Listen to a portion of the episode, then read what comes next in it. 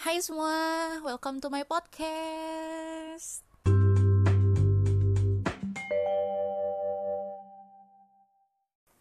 Oke, okay, jadi apa kabar people semua? Uh, gue harap kalian sangat baik-baik saja ya. Uh, gimana hari kalian? Semoga menyenangkan juga ya, karena lebih honest hari gue sih gak gitu menyenangkan ya belakangan ini.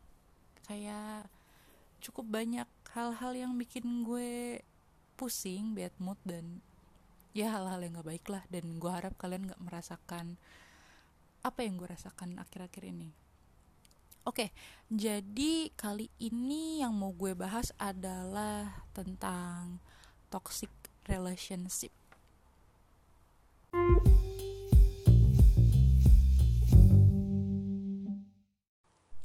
By the way ya, gue gemes banget pengen bahas soal si toxic relationship ini. Karena jujur aja ya, gue sebagai pengguna aktif Twitter, karena memang gue cuma aktif di Twitter, dan belakangan ini kan Twitter juga lagi rame lagi gitu kan dan ramenya juga karena ada auto base auto base gitu dan gue tuh sering banget ngelihat di auto base tuh kayak ada yang curhat tentang relationship mereka yang honestly tuh udah nggak sehat banget tapi mereka masih kayak hmm, ada yang dipertimbangin haruskah dilanjutkan atau enggak gitu kan. Uh, yang paling sering gue lihat itu adalah saat mereka udah bilang kalau gue udah uh, eh, HS nih sama cowok gue atau sama cewek gue tapi suddenly mereka berubah terus kayak suddenly ternyata uh, mereka selingkuh atau yang paling parahnya adalah gue udah ngirim foto nudes ke mereka tapi uh, saat gue putus mereka ngancem kalau kita putus nanti foto atau videonya mau disebarin gitu kan.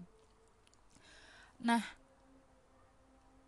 gue kalau udah masalah kayak gini jujur aja gue nggak tahu siapa yang mesti gue salahin ya. Karena menurut gue secara pribadi dan menurut gue sebagai perempuan dua-duanya salah gitu kan. Kayak kenapa lo perempuan juga mau ngirimin foto kayak gitu ke pacar lo gitu? Emang uh, lo udah pasti bakal nikah sama dia gitu kan. Gue sebagai perempuan tidak membenarkan apa yang mereka lakukan gitu kan. Terus di sisi lain juga cowok kayak keuntungannya buat lo untuk nyebarin foto-foto cewek lo sendiri itu buat apa gitu loh. Toh itu juga aib buat lo kan. Gue selalu mikirnya kayak gitu gitu kan nah menurut gue hal-hal kayak gitu udah toksik banget dong berarti karena ya memang udah gak sehat gitu. Yang di mana lo terpaksa menjalin sebuah hubungan sama seseorang bukan karena lagi dasar cinta atau sayang tapi karena ya keterpaksaan gitu karena ada ancaman karena ada embel-embel yang negatif di belakangnya gitu. Mungkin kalau dulu hal yang paling sering gue temuin tentang toxic relationship adalah dia kasar sama gue tapi gue nggak mau putus sama dia karena gue sayang sama dia gitu. Ada yang sampai pacaran digebugin sampai badannya biru-biru gitu. Tapi tetap masih mau lanjut sama orang itu tuh ada gitu. Ada aja dan gue nggak ngerti kenapa mereka mau bertahan dengan orang yang kayak gitu gitu. Padahal uh, gue tahu kalau mereka sebenarnya deserve much more better than him or her gitu kan. Bener-bener kayak layak untuk ketemu sama orang yang jauh lebih baik daripada orang-orang itu gitu. Dan kadang-kadang yang gue kesel adalah ketika lo curhat di Twitter di base lo minta pendapat orang tapi lo pentalin gitu lo pendapat orang kan kadang-kadang kesel ya kayak ya udah sih uh, lebih baik lo putus aja sama dia lo bisa dapat yang jauh lebih baik daripada dia gitu. Atau bahkan kadang-kadang kita dengan sangat baik hatinya kita tuh sampai nge ngetek ke Komnas Perlindungan Perempuan dan Anak gitu. Terus kayak memang berusaha supaya uh, kalau memang karena dia ngirim foto nudes dan dia diancam karena itu tuh kita sampai kayak berusaha supaya fotonya nggak kesebar gitu. Cuman kadang-kadang balik lagi ke orangnya dan orangnya bilang tapi gue nggak mau putus sama dia gue masih sayang sama dia gue percaya kalau dia bakal uh, dia bakal berubah segala macam bla bla bla lo lo tuh sadar gitu lo berada dalam sebuah hubungan yang salah lo berada dalam sebuah toxic relationship yang di mana lo harusnya tuh bisa bisa lepas dari sebuah hubungan itu dan lo bisa berhubungan dengan yang lebih baik lagi gitu. Tapi lo selalu mencari excuse dengan mengatakan kalau dia pasti nanti berubah dia nggak akan kayak gitu lagi dia bukan tipikal orang yang seperti itu gitu. Kayak lo membohongi diri sendiri dan lo membohongi banyak orang gitu loh. Dan yang kemarin banget adalah teman gue sendiri cerita dia deket sama cowok tapi dia uh, complicated sama pacarnya dan pacarnya nggak mau diajak putus dan padahal dia sadar kalau memang dia harusnya putus sama pacarnya tapi ya gitu gitu loh. Jadi sebenarnya adalah orang-orang ini tuh sebenarnya sadar gitu mereka berada dalam sebuah hubungan yang salah tapi mereka bertahan karena excuse-excuse yang mereka bikin sendiri gitu loh yang kayak tadi gue bilang e, eh, gue gak mau putus sama dia gue masih sayang sama dia pertama. Kedua gue gak mau putus sama dia gue yakin dia bisa berubah. Dua hal itu adalah kata-kata yang paling banget sering gue baca yang paling sering gue denger dari orang-orang yang berada dalam sebuah hubungan yang gak sehat gitu. Bahkan ada yang dikasih saran untuk pisah terus dia malah ngomong lo pikir putus segampang itu. Lo pikir putus semudah itu? Lo pikir setelah pacaran bertahun-tahun terus tiba-tiba putus tuh gampang? Ya terus gue bilang terus lo pikir lo berada dalam sebuah hubungan yang salah selama bertahun-tahun itu bener? Ya dong wajar dong kalau gue mengatakan hal tersebut gitu loh. Kayak how come lo bisa bertahan dengan orang yang jahat sama lo sama orang yang nyakitin lo sama orang yang katakanlah yang KDRT sama lu atau sama orang yang um, ngancem-ngancem lu dengan foto-foto dan video yang kalian punya atau orang-orang yang demen banget uh, bikin kalian malu di depan orang-orang gitu. Kayak apa sih yang ngebuat lu harus bertahan sama orang kayak gitu? Apa ya karena emang lo takut apa emang karena lu beneran sayang gitu? Apa lu emang beneran bego gitu maksudnya? Gue pernah kenal sama satu orang dan dia itu pernah ngancem gue juga bilang e, gue bakal ngedit foto dan gue kirimin ke semua teman-teman lo. Uh, gue edit video dan gue kirim ke semua teman-teman lo. And I said go ahead silahkan gitu. Maksud gue adalah gue bukannya nggak takut. Saat itu gue takut gue takut banget gitu. Gue memikirkan apa kata orang-orang tentang gue kalau mereka ngelihat itu gitu kan. Tapi ya balik lagi gitu. Kalau memang mereka temen gue kalau memang mereka sama bapak gue mereka pasti lebih percaya sama gue ketimbang sama apa yang mereka lihat gitu kan. Dan mereka pasti make sure ke gue ini lo beneran? Kalau bisa kayak gini? gitu. Jadi saat ada orang yang ngancam gue dengan hal tersebut ya gue pikir ya silahkan kalau lo mau ngelakuin gitu gue nggak nggak mau terlalu jadi kayak yang takut. Karena gue pikir kalau gue makin takut dia makin seneng gitu. Dan dia makin bener-bener kayak mempermainkan gue dan ngancem gue. Jadi saat gue di ada di posisi itu ya gue kayak gue menunjukkan kalau gue nggak takut gitu. Dan kadang-kadang ada orang yang nggak mau gitu melakukan hal kayak gitu. Ya kayak yang tadi banyak pertimbangan ya sayang lah apalah apalah gitu. Banyak embel-embel di belakangnya yang sebenarnya nggak sehat gitu loh. Ya gak sih? Gue kadang nggak habis pikir aja gitu. Lu demi lu demi cinta lu sayang sama orang tapi lu merelakan harga diri lu diinjek-injek gitu yang di mana mak bapak lo tuh ngegedein lu ngejagain lu supaya lu nggak kenapa-napa semoga lu eh biar lu nggak disakitin ngejagain lu supaya lu bahagia gitu terus tiba-tiba lu diinjek-injek sama orang kan kayak what the hell gitu kan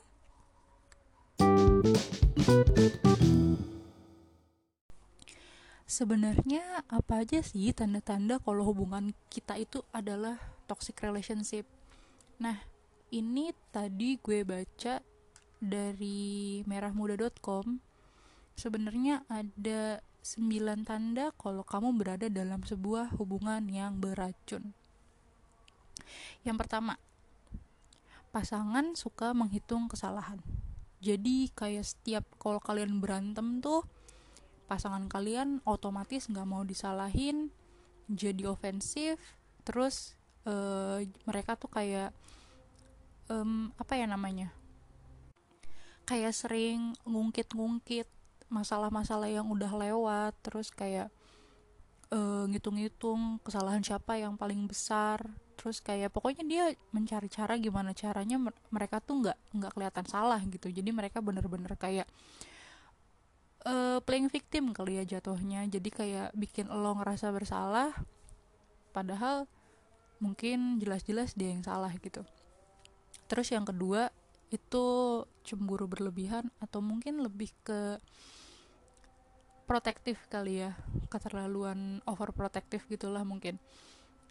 Kadang-kadang ada orang yang senang dicemburuin kadang-kadang ada orang yang senang diposesifin gitu kan. Karena mikirnya oh berarti kalau dia cemburu berarti dia sayang. Oh kalau dia posesif berarti dia sayang. Oh kalau dia nggak cemburu berarti dia nggak peduli. Oh kalau cemburu berarti eh kalau dia nggak cemburu berarti dia nggak sayang. Sedangkan kadar sayangnya kita sama orang itu nggak cuma ditentuin dari kita cemburu atau enggak gitu. Cuman menurut gue personal kalau kita berada dalam sebuah hubungan dan kita nggak cemburu sama orang lain yang deket sama pasangan kita ya bukan berarti kita nggak sayang gitu. It means like berarti kita percaya sama pasangan kita kalau dia nggak akan uh, macem-macem kalau dia nggak akan aneh-aneh gitu. Jadi ya memang karena dasarnya percaya bukan karena nggak sayang gitu kan. Tapi masih banyak banget orang yang bilang kalau cemburu itu adalah tanda pasangan itu sayang tanda pasangan itu eh, nggak uh, mau kehilangan gitu kan.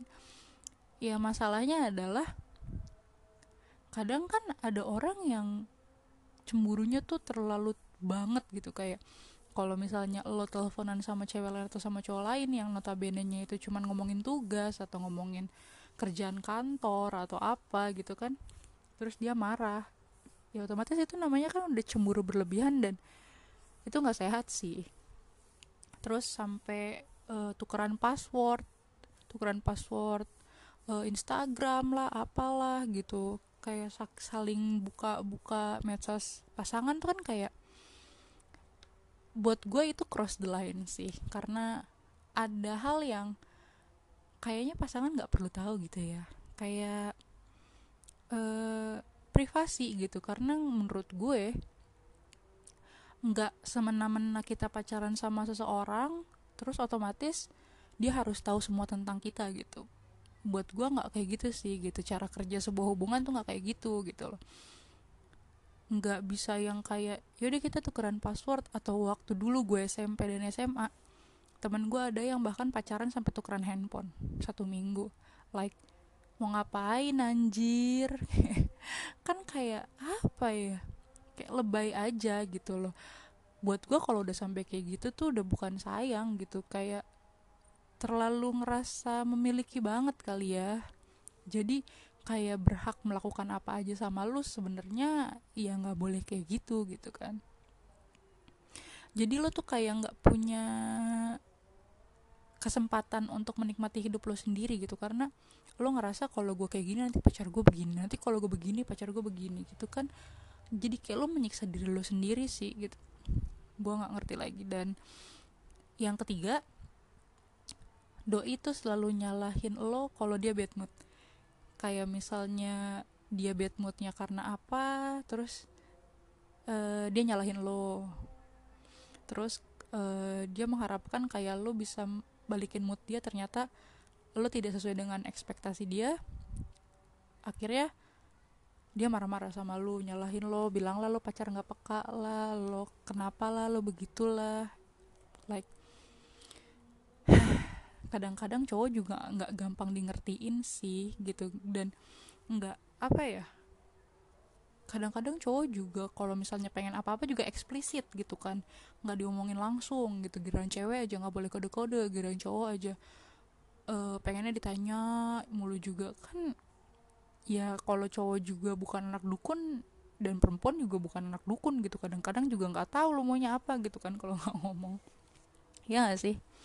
Terus eh, ciri-ciri yang keempat. Mengancam hubungan kalian. Kalau misalnya pasangan kamu tuh sering ngeluh suatu yang sederhana atau masalah yang terjadi itu sering pakai ngancem-ngancem. Berarti tuh udah masuk ke dalam teks toxic kan? Toxic relationship. Apa ya kadang kayak yang sering banget tuh uh, kalau misalnya minta foto minta pap. Itu kan sering banget ya gue nggak ngerti deh people nowadays tuh kenapa. Tapi uh, gue sering banget ngelihat orang pacaran tuh kayak pap dong pap dong. Kamu lagi di mana pap dong? Kamu lagi ngapain pap dong? Kamu lagi di mana pap dong? Apa apa pap. Ngapa ngapain pap. Dikit dikit pap. Buset. Dan gue bukan tipikal orang yang suka ngirimin kayak gitu. Karena gue prefer mending kita video call jadi lo tau gue di mana gue lagi ngapain dan tanpa harus gue kirimin pap pap pap pap pap nggak jelas kayak gitu kan kayak buat apa sih anjir? Lo mau ngumpulin berapa juta selfie gue di handphone lo? Gitu kan. Um, kadang-kadang ada cewek atau cowok yang suka gitu kan. Kamu di mana pap dong? Terus kalau giliran ceweknya atau cowoknya nggak mau nanti diancam dibilang ya udah kalau kamu nggak mau ngepap kita putus aja. Kayak maksud gue segampang itu dia mengeluarkan kata putus segampang itu dia mengeluarkan kata break atau e, mengancam dengan hal-hal lain. Kayak misalnya di kalau amit-amit lo sama pacar lo udah have sex terus kayak e, ada foto nude sekalian atau ada uh, sex step kalian terus tiba-tiba si cewek atau si cowok bilang kalau lu nggak mau nurutin mau gue gue sebar nih gitu. Kayak hal-hal kayak gitu kan juga termasuk toxic gitu loh. Lu diancam dan lu jadi kayak merasa nggak aman. Dan ya itu kan bikin lo jadi yang tadinya lo nggak mau melakukan sesuatu lo jadi melakukan hal yang nggak kepengen lo lakuin gitu kan. Terus yang kelima pasanganmu menginginkan dirimu sepenuhnya. Mungkin ini tadi sama kayak yang gue omongin di bagian cemburu berlebihan yang overprotective dan posesif yang sampai tukeran handphone segala. Itu kan kayak apa ya buat gue too much gitu. Bahkan ada banyak bahkan sekarang ya kayak pacaran-pacaran tuh yang si pacar tuh ngelarang lo nggak boleh main sama dia lo nggak boleh ini sama dia pokoknya lo harus sama gue. Like uh, 24/7 lo harus bareng-bareng sama dia tuh kan kayak ya nggak mungkin gitu lalu punya kehidupan sendiri dan bahkan lo punya keluarga gitu. Lo nggak bisa terus-terusan sama dia gitu kan. Nah kalau misalnya kalian berada dalam sebuah toxic relationship tuh somehow pacar kalian atau pasangan kalian tuh pengennya sama kalian terus pengennya tuh ngabisin waktunya sama kalian kayak uh, don't give a fuck lah sama hub, apa urusan hidup kalian gitu kan. Dan itu berarti kan kayak udah too much banget dong gitu. Dia juga punya kehidupan sendiri dan lu juga punya kehidupan sendiri gitu kan. Yang nggak mungkin lu nggak bisa terus-terusan apa-apa sama dia gitu. Dan jadinya karena kadang-kadang karena dari awal udah manut uh, dari awal pacaran kayak aku maunya sama kamu aku maunya sama kamu. Terus akhirnya jadi kayak berlanjut terus-terusan kayak gitu dan akhirnya ketika lo mau berontak ya too late gitu karena dari awal lo udah udah setuju gitu lo udah baca terms and conditionnya dan lo udah agree with the terms and condition ya udah gitu lo nggak bisa kayak lepas gitu aja dari dia gitu kan. Nah untuk ciri-ciri yang keenam pasanganmu super kompetitif kadang-kadang ada hubungan di mana cewek cowok salah satunya nggak mau ngalah. Jadi kalau misalnya anak sekolah lah ya katakan anak ceweknya anak ambis terus cowoknya ikutan jadi ambis jadi nggak mau kalah sama ceweknya mau ceweknya uh, juara satu dia juga mau juara satu gitu. Kadang-kadang hmm, ada pasangan yang nggak seneng sama pencapaian yang kita dapat gitu. Kayak misalnya tadi gue bilang ceweknya ambis dia ranking satu terus ternyata cowoknya nggak terima gitu kan. Dia bukannya senang bukannya nge-support dia malah ngejelek-jelekin lo dengan bilang ah kamu paling ranking satu juga gara-gara nyontek. Ah paling kamu ranking satu juga gara-gara ini. Ah kamu juga paling begini. Pokoknya kayak end upnya si pasangan itu selalu mencari-cari uh, apa ya cara untuk ngejelek-jelekin kamu gitu. Karena dia ngerasa harusnya itu gue harusnya gue yang bisa lebih baik daripada lo gitu kan. Yang which means itu juga nggak sehat dong ya gak sih? Terus yang ketujuh membangun dinding komunikasi. Ya komunikasi emang penting banget ya dalam sebuah hubungan karena ya kayak tadi gue bilang kita nggak bisa apa apa kode nggak bisa ngapa-ngapain kode. Kadang-kadang ada di mana si pasangan ini nggak mau ngebicarain hal-hal yang sebenarnya krusial yang harus kalian bicarain gitu. Uh, justru kalau misalnya lu saat lu pengen ngomong dia pergi atau saat lu pengen ngomong uh, dia ngalihin pembicaraan gitu kan sebenarnya hal itu butuh diomongin karena memang krusial gitu tapi si cewek lo atau cowok lo menghindar ya berarti ya kalian berada dalam hubungan yang salah karena mereka nggak mau menyelesaikan apa yang seharusnya diselesaikan. Terus yang kedelapan, kamu bukan diri kamu sendiri. Kalau kita ada dalam sebuah hubungan, kadang-kadang kita itu suka jadi orang lain supaya kita disukain sama orang yang kita suka. Setuju nggak? Setuju dong. Kayak misalnya lo suka sama kapten basket di sekolah lo atau lo suka sama ketua osis di sekolah lo otomatis dua orang ini adalah orang yang nggak mungkin nggak terkenal dong ya kan terus kalian jadi kayak berusaha untuk jadi cantik kalian berusaha untuk jadi menarik kalian berusaha untuk jadi apa ya menjadi orang yang bukan diri kalian gitu. Karena kalian sendiri kayak berusaha mati-matian untuk menjadi orang lain supaya kalian terlihat tanda kutip terlihat di mata orang-orang itu gitu. Sedangkan sebenarnya ada orang lain yang uh, bisa nerima kalian yang apa adanya gitu. Nah karena kalian akhirnya berusaha menjadi orang lain untuk disukain dan katakanlah kalian akhirnya pacaran sama ketua basket itu atau sama ketua osis itu akhirnya kalian jadi fake gitu loh. Dan itu nggak membuat diri kalian lebih baik karena ya memang bukan kayak gitu gitu loh. Kalian bukan tipe orang yang kayak gitu gitu kan. Jadi kalian sendiri memang ngerasa nggak nyaman menjadi orang lain karena orang lain gitu.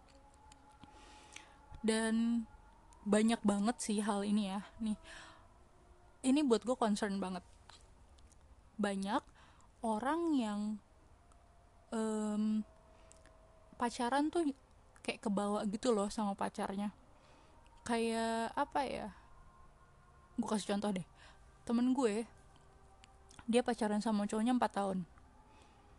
Dan dia itu kayak jatuhnya mungkin menurut gue ya ini in my opinion aja. Itu tuh kayak diguna-guna karena dia tuh beneran kayak kebo yang dicucuk hidungnya. Jadi kayak kalau cowoknya ngomong apa dia nurut. Kalau cowoknya bilang apa dia nurut gitu. Dan bahkan dia tuh bener-bener literally sampai nggak punya teman. Dan sekarang gue sama dia tuh udah nggak pernah main bareng lagi gitu. Dulu tuh kita deket banget banget banget.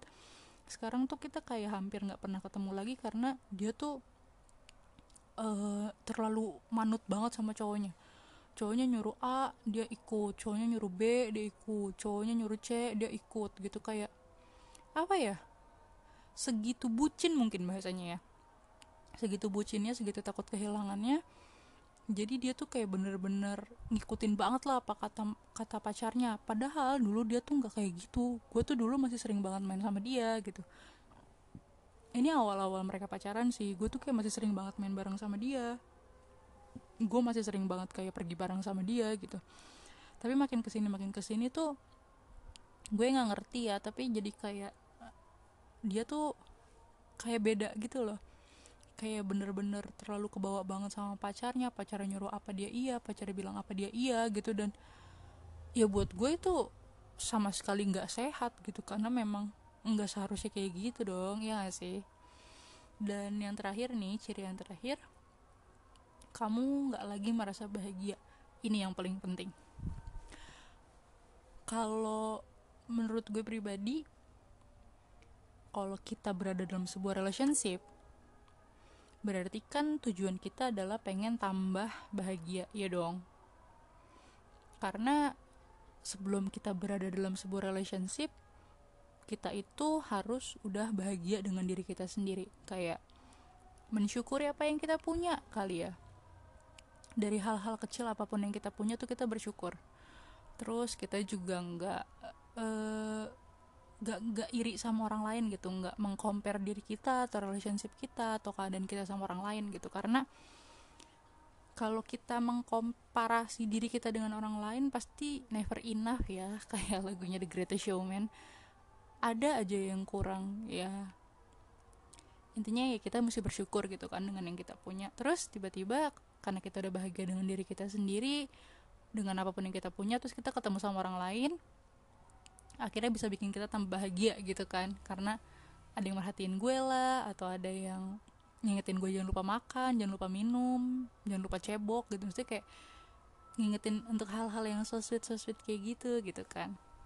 Tapi kalau misalnya kalian berada dalam sebuah toxic relationship kalian nggak merasa bahagia justru kalian tuh kayak merasa engsi kalian merasa was was ngerasa cemas ngerasa takut ngerasa nggak nyaman gitu. Karena kalian dapat ancaman-ancaman dari si pacar kalian ngedapetin uh, kekerasan dari pacar kan kekerasan juga pasti masuk toxic relationship kan.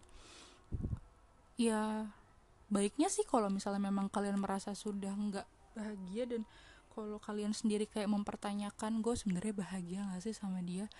Ya kalau udah kayak gitu berarti ya kalian memang berada dalam sebuah toxic relationship yang harusnya kalian menyudahi itu gitu loh ya gak sih? Karena mau ngapain kalian ngejalin hubungan kalau kalian gak bahagia gitu? Like sebelum lo pacaran lo kayak susah payah buat membahagiakan diri lo sendiri. Terus tiba-tiba lo punya pacar tapi akhirnya hidup lo jadi amburadul gitu. Ya better lo pisah sama dia dong dibanding lo harus sama-sama dia. Ya gak sih? Bener kan?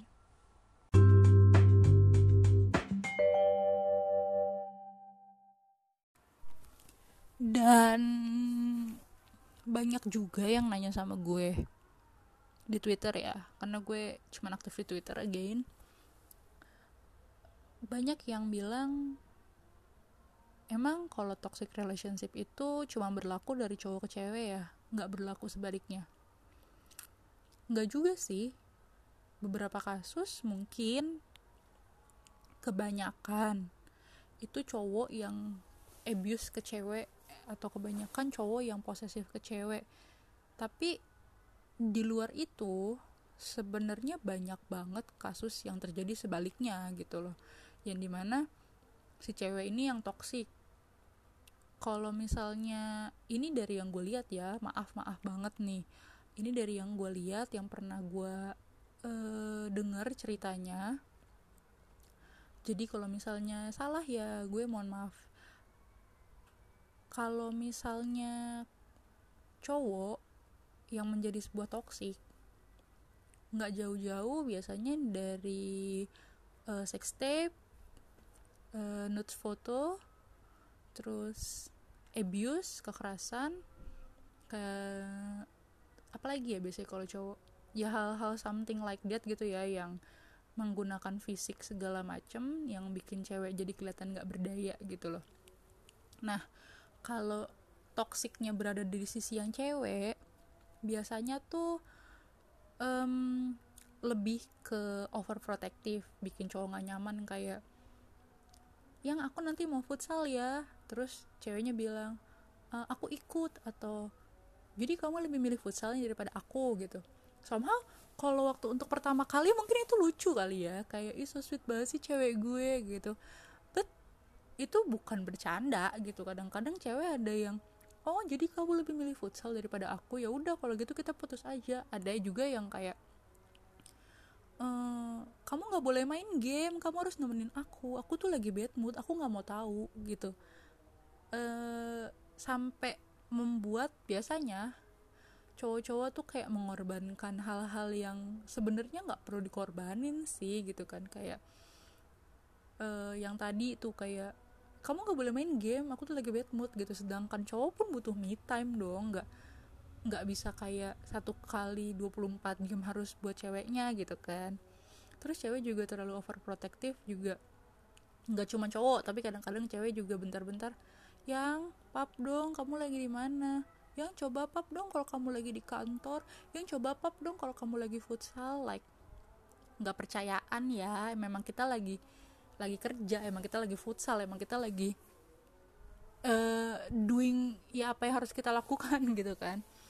Nah jadi ya nggak cuma cowok gitu yang bisa melakukan hal-hal toksik dalam sebuah hubungan tapi cewek juga sama gitu. Uh, jadi nggak nggak double standar nggak apa ya nggak nggak bisa bilang cowok yang kayak gitu doang tuh enggak gitu. Karena pada dasarnya kadang cewek sendiri juga bisa melakukan itu gitu. Bahkan kadang-kadang cewek lebih sering pakai teknik mengancam hubungan dan uh, overprotective gitu kan. Sampai yang kadang-kadang tukeran password kan juga pasti ceweknya yang mau gitu kan. Jarang banget cowok yang pengen tukeran password karena mungkin takut ketahuan kali kalau ganjen ya. Cuman uh, jarang sih cowok kayak gitu gitu kan. Karena buat gue untuk berada dalam sebuah toxic relationship itu masing-masing punya andil gitu loh. Kayak yang tadi ya kalau cowok biasanya berkaitan dengan uh, abuse dengan sex tape dengan nudes foto sedangkan cewek lebih uh, pakai itu dengan mengancam putus lah dengan bikin dengan apa ya kayak kalian di, berada di sebuah pilihan pilih aku atau futsal pilih aku atau game pilih aku atau Dota 2 gitu kan. Terus um, juga insecuritiesnya cewek kan juga lebih gede dibanding cowok gitu. Yang kadang-kadang bikin cowok nggak nyaman gitu. Ya jadi kalau buat gue cewek dan cowok itu punya kesempatan untuk melakukan hal-hal toksik dalam sebuah hubungan.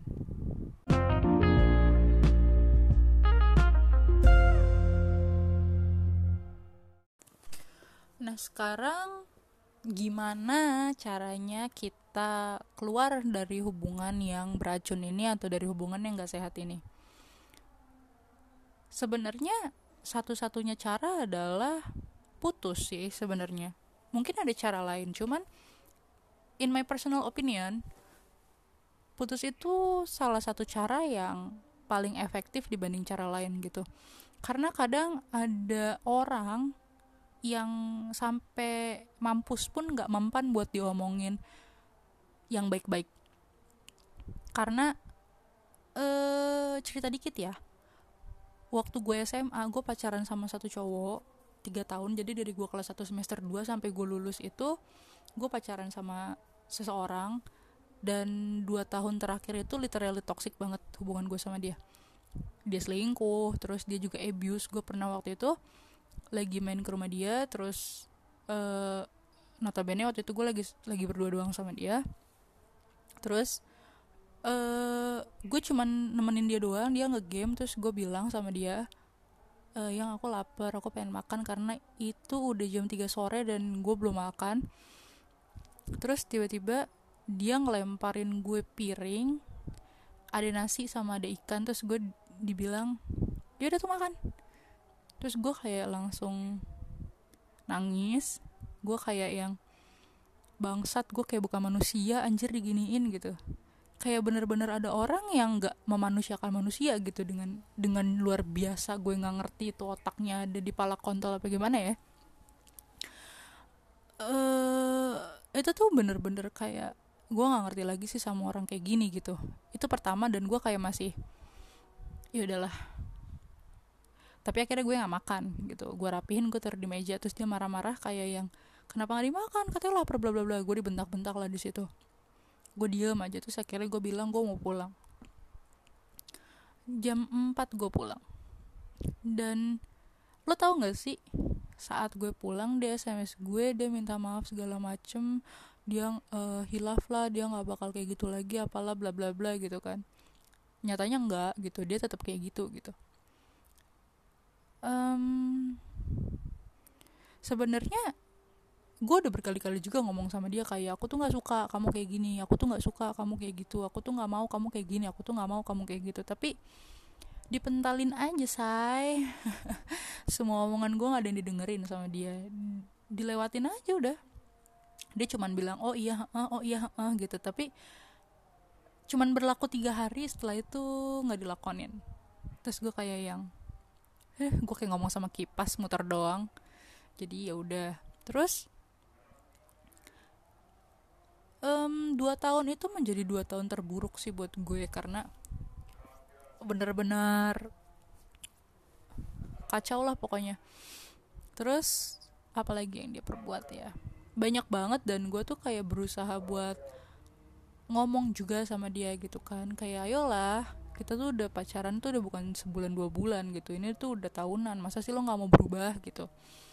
Akhirnya gue ada di titik gue enough sama dia. Uh, gue tahu nih kalau gue minta putus dia pasti nggak bakal mau gitu. Karena gue udah beberapa kali mencoba untuk putus sama dia tapi dia nggak pernah mau gitu kan. Waktu dia selingkuhin gue sampai lima kali kali ya itu gue minta putus dia nggak pernah mau gitu. Terus gue kayak yang waduh gue mesti ngapain? gitu. Ya udahlah gitu kan. Akhirnya ada satu titik gue ngerasa gue gak kuat deh kayaknya nih kayak gini terus. Pokoknya gimana pun caranya gue putus gue bilang kayak gitu kan. Terus ya udah akhirnya gue bilang sama dia gue mau putus uh, I don't care what they say gue nggak peduli apa yang bakal lo omongin sama orang-orang tentang kita gue nggak peduli lo bakal ngapain pokoknya gue mau putus. Karena saat itu dia ngomong sama gue kalau kamu putusin aku aku bunuh diri kalau kamu putusin aku mending aku mati aja. Kalau kamu putusin aku mending uh, bla bla bla bla bla. Pokoknya dia mengancam gue dengan hal-hal yang kayak gitu gitu loh yang membuat gue kayak kalau gue ngomong kayak gitu mungkin dia berubah pikiran gitu. Sedangkan gue sebenarnya anaknya kayak nggak peduli gitu loh nggak pedulian banget gitu anaknya. Karena gue ngerasa kemarin-kemarin gue udah peduli tapi disia-siain gitu. Jadi ya buat apa lagi juga gue peduli sama dia gitu kan. Jadi gue bilang sama dia gue mau putus gue nggak peduli kalau abis ini lo mati juga udah bukan urusan gue silahkan lo mati. Lo pikirin aja tuh nasib orang tua lo gimana nggak besarin lo kayak gini terus akhirnya lo mati nggak guna. Bodoh amat gue nggak peduli gue bilang kayak gitu. Gue putus sama dia dia nggak terima. Terus udah gitu tiga bulan gue pacaran eh tiga dua bulan gue putus sama dia gue deket sama cowok. Terus uh, saat itu masih hits banget Twitter ya karena 2000 berapa ya? 2013 2014 2013an deh. Gue masih sering banget nge-tweet terus gue kenalan sama cowok juga dari tweet. Terus udah gitu si mantan gue ini nge, nge mention mention nge tweet tweet cowok gue ini bilang lo siapanya si Leo lo ngapain deket-deketin dia? Bla bla bla gini lah gitulah gitu kan. Terus gue bilang sama cowok itu udah nggak usah ditanggepin itu mantan gue emang orang gila nggak jelas hidupnya terus akhirnya ya udah uh, akhirnya gue sama dia kayak lost contact gitu sekarang. Terus terakhir dia ngontek gue itu sekitaran setahun yang lalu atau dua tahun yang lalu gue lupa sih pastinya. Terus dia nanya lah sosokan apa kabar segala uh, inilah itulah apalah. Terus akhirnya gue cuma bales oh lo masih hidup? Katanya kalau gue putusin lo mau mati gue gituin. Terus dia kayak akhirnya ngeblok gue Iya gue nggak rugi sih ya sumpah di blok sama orang kayak gitu. Nah jadi sebenarnya how to keluar dari hubungan yang salah itu adalah dengan lo berani ngambil keputusan sih lo meyakinkan diri kalau lo harus keluar dari hubungan yang nggak bener ini gitu loh. Karena jujur aja berada dalam sebuah hubungan yang beracun dalam hubungan yang salah dalam toxic relationship itu bisa mempengaruhi mental kalian juga nggak sih? Gitu kayak kalau lo diancam lo diancam terus-terusan terus lo juga kayak ngerasa nggak aman otomatis kan lo kayak ngerasa bentar-bentar khawatir lo cemas lo takut lo merasa nggak aman gitu lo jadi nggak bisa konsen sama apa yang lo lakuin gitu. Kerjaan lo jadi berantakan atau sekolah lo jadi nggak karuan ranking lo jadi turun terus juga lo jadi nggak optimal ngerjain apa pun gitu kan. Apa ya? Jadi lo tuh uh, apa apa apa pun yang ada di sekitar lo tuh jadi negatif gitu lo bawaannya dan ya masa lo mau kayak gitu terus gitu? Nggak mungkin dong lo mau kayak gitu terus kan. Jadi sebenarnya ya buat gue opsi terbaiknya adalah lo pisah sama dia dan lo menemukan seseorang yang jauh lebih baik dan lebih worth it gitu buat lo worth dengan perhatian lo worth dengan kasih sayang lo yang tulus worth dengan cinta lo gitu. Yang lebih layak untuk nerima apa pun yang lo kasih ke mantan lo iya gak sih? Gitu kayak ada orang yang bisa nerima lo apa adanya ada orang yang bisa sayang sama lo apa adanya ada orang yang mau ngebantu lo untuk jadi lebih baik ya kenapa lo harus pacaran sama orang yang bahkan nggak bisa membuat lo jadi diri lo sendiri gitu loh. Jadi menurut gue gimana caranya lo keluar dari toxic relationship ya lo harus bisa ngambil keputusan yang terbaik buat diri lo sendiri gitu. Karena kita hidup nggak cuma untuk nyenengin orang lain kita nggak bisa nyenengin semua orang gitu jadi ya kalian harus mikirin diri sendiri juga sih. Kalian nggak bisa terus-terusan mikirin orang karena kalau kalian mikirin orang terus ya mikirin diri kalian sendiri siapa?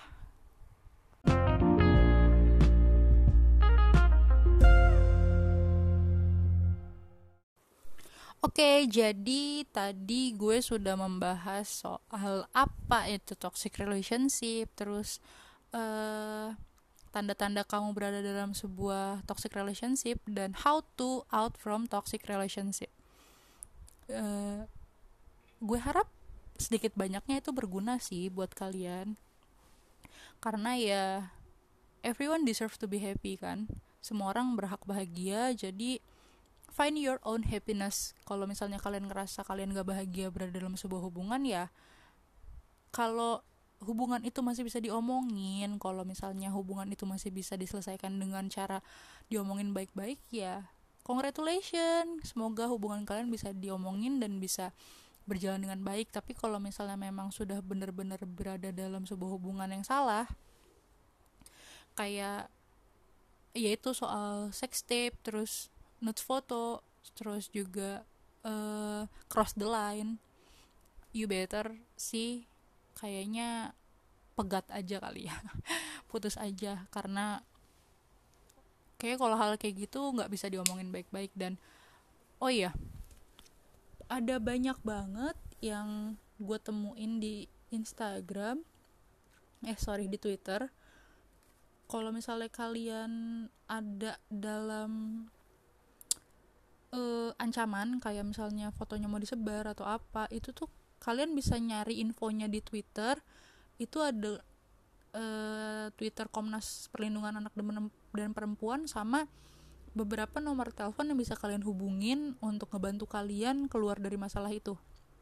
Jadi uh, don't be afraid kalian nggak nggak usah takut untuk keluar dari hubungan yang salah karena di luar sana juga banyak orang yang bisa bantu kalian banyak orang yang peduli sama kalian dan ayolah orang lain aja peduli sama kalian masa kalian nggak peduli sama diri kalian sendiri sih gitu kan.